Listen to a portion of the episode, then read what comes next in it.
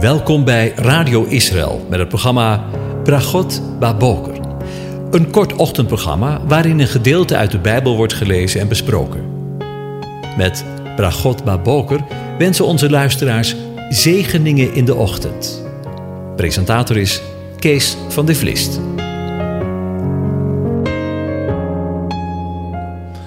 Bokatov, goedemorgen, beste luisteraars. Vandaag denken we verder over Psalm 72. Ik lees een gedeelte aan je voor. Voor Salomo. O God, geef de koning uw recht en uw gerechtigheid aan de zoon van de koning.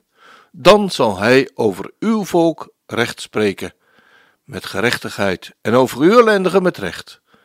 De bergen zullen voor het volk vrede dragen en de heuvels met gerechtigheid. Hij zal de ellendigen van het volk recht doen. Hij zal de kinderen van de armen verlossen en de onderdrukker verbrijzelen. Zij zullen uw vrezen zolang de zon en de maan er zijn, van generatie op generatie. Hij zal neerdalen als de regen op het gemaaide gras en als regendruppels die de aarde bevochtigen. In zijn dagen zal de rechtvaardige tot bloei komen. Er zal grote vrede zijn tot de maan er niet meer is. Hij zal heersen van zee tot zee, van de rivier de Eufraat tot aan de einden van de aarde. Tot zover over de landsgrenzen gesproken. Vandaag spreekt vers 8 over de landsgrenzen die betrekking hebben op de heerschappij van de zoon van David, Salomo. Want we lezen: Hij zal heersen van zee tot zee, van de rivier, de Eufraat tot aan de einden der aarde. En dan zien we de eenheid weer in het woord van God. Het woord van God wat zichzelf telkens weer opnieuw bevestigt. Want in Exodus 23, vers 31 schrijft de oude Mozes al de woorden van God, de God van Israël, op. Wanneer we daar lezen: Ik zal uw grenzen vaststellen, van de Schelfzee tot aan de zee van de Filistijnen, en van de woestijn tot aan de rivier want ik zal de bewoners van het land uw in uw hand geven, zodat u hen voor u uit kunt verdrijven. Zie je, hier worden de landsgrenzen van Israël al vastgesteld. En die worden nog eens in Psalm 72 door middel van de pen van David bevestigd. Salomo, maar vooral de meerdere Salomo, en bovenal de meerdere Salomo, de Messias, zullen soevereiniteit hebben of heersen over het hele grondgebied van Eretz Israël. Van de zee van Riet in het zuiden tot aan de zee van de Filistijnen, de Middellandse Zee en het noorden en het westen. Sforno, de oude rabbijn, legt uit dat het Hebreeuwse woord voor heerschappij niet van het soort van heerschappij is die en onpersoonlijk karakter heeft, maar dat het betekent dat de koning een persoonlijk het volk leidt. Het woord impliceert of betekent naar beneden gaan, wat betekent dat de vorst afdaalt tot het niveau van de mensen en nauw betrokken is bij hun zaken. Om nog persoonlijker te maken, dat hij, de schepper van hemel en aarde, afdaalt naar jou en mij en nauw betrokken is bij uw en jouw en mijn zaken. Wat een onvermoede en onverwachte schat ligt er dan in dit vers verborgen, zeg. Vind je ook niet? De schepper van hemel en aarde, de vorst, die heerst van zee tot zee en van rivier tot aan de uiteinden van de aarde, daalt af naar jou en mij en is betrokken bij jou en mijn zaken. En dat is niet alleen straks in de toekomst zo, maar wij, kinderen van Vader, weten dat de Messias al afgedaald is, zo'n 2000 jaar geleden, en dat hij al heel persoonlijk jou en mijn leven leidt wanneer we hem kennen. Hij is straks in de nabije toekomst nauw betrokken bij ons wel en wee. Maar de boodschap die hij vanmorgen voor jou en mij heeft, is dat hij nauw betrokken is bij uw, jouw en mijn leven.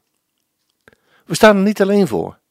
We mogen hand in hand met hem door het leven gaan.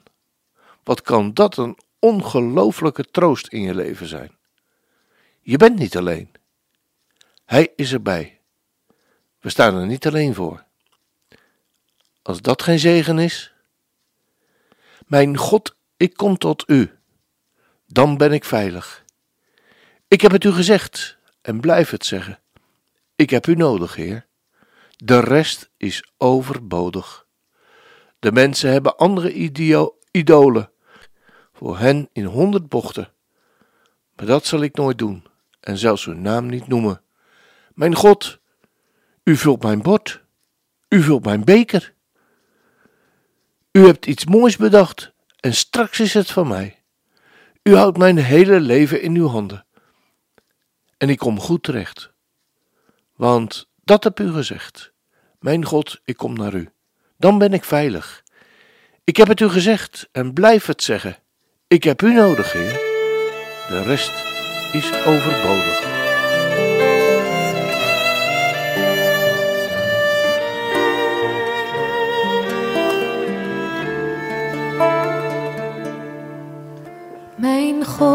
Ik kom naar u, dan ben ik veilig.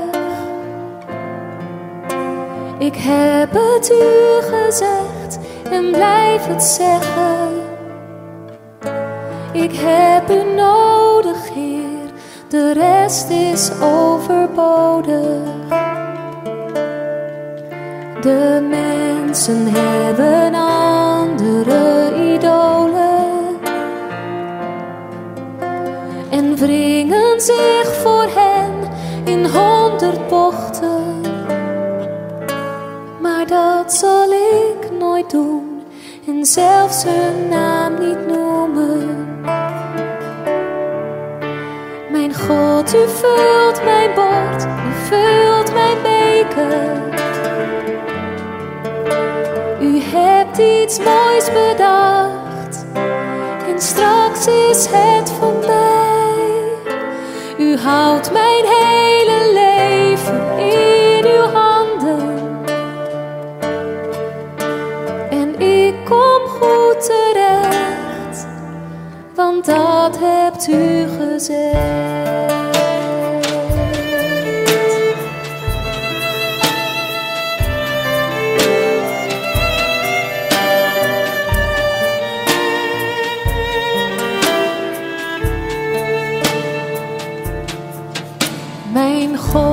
Ik kom naar u, dan ben ik veilig. Ik heb het u gezegd en blijf het zeggen. Ik heb u nodig, Heer, de rest is overbodig. De mensen hebben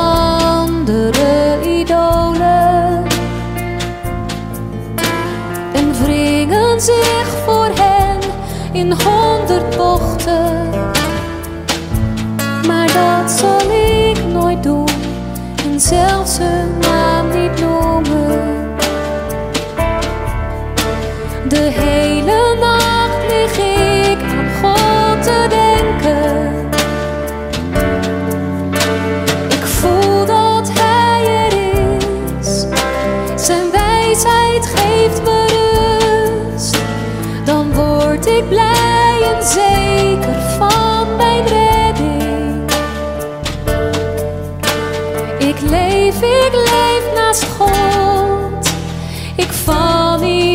zijn hand. Want u zult mij niet zomaar laten sterven. Ik hoef niet naar het graf,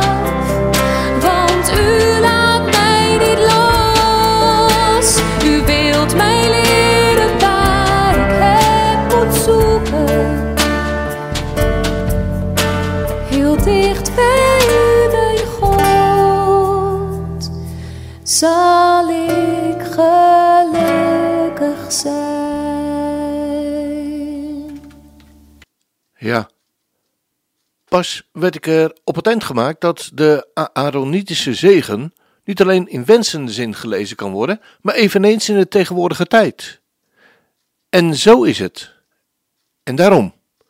En de Heer sprak tot Mozes, spreekt tot Aaron en zegt zijn zonen en zeg, zo moet u de Israëlieten zegenen, door tegen hen te zeggen, de Heere zegent u en behoedt u.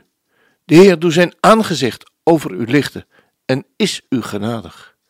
De Heere verheft zijn aangezicht over je en geeft je vrede. Ik wens je een van God gezegende dag toe.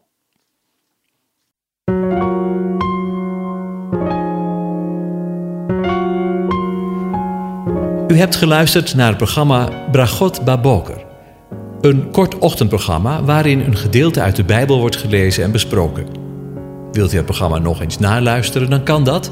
Ga naar radioisrael.nl en klik onder het kopje radio op Uitzending gemist.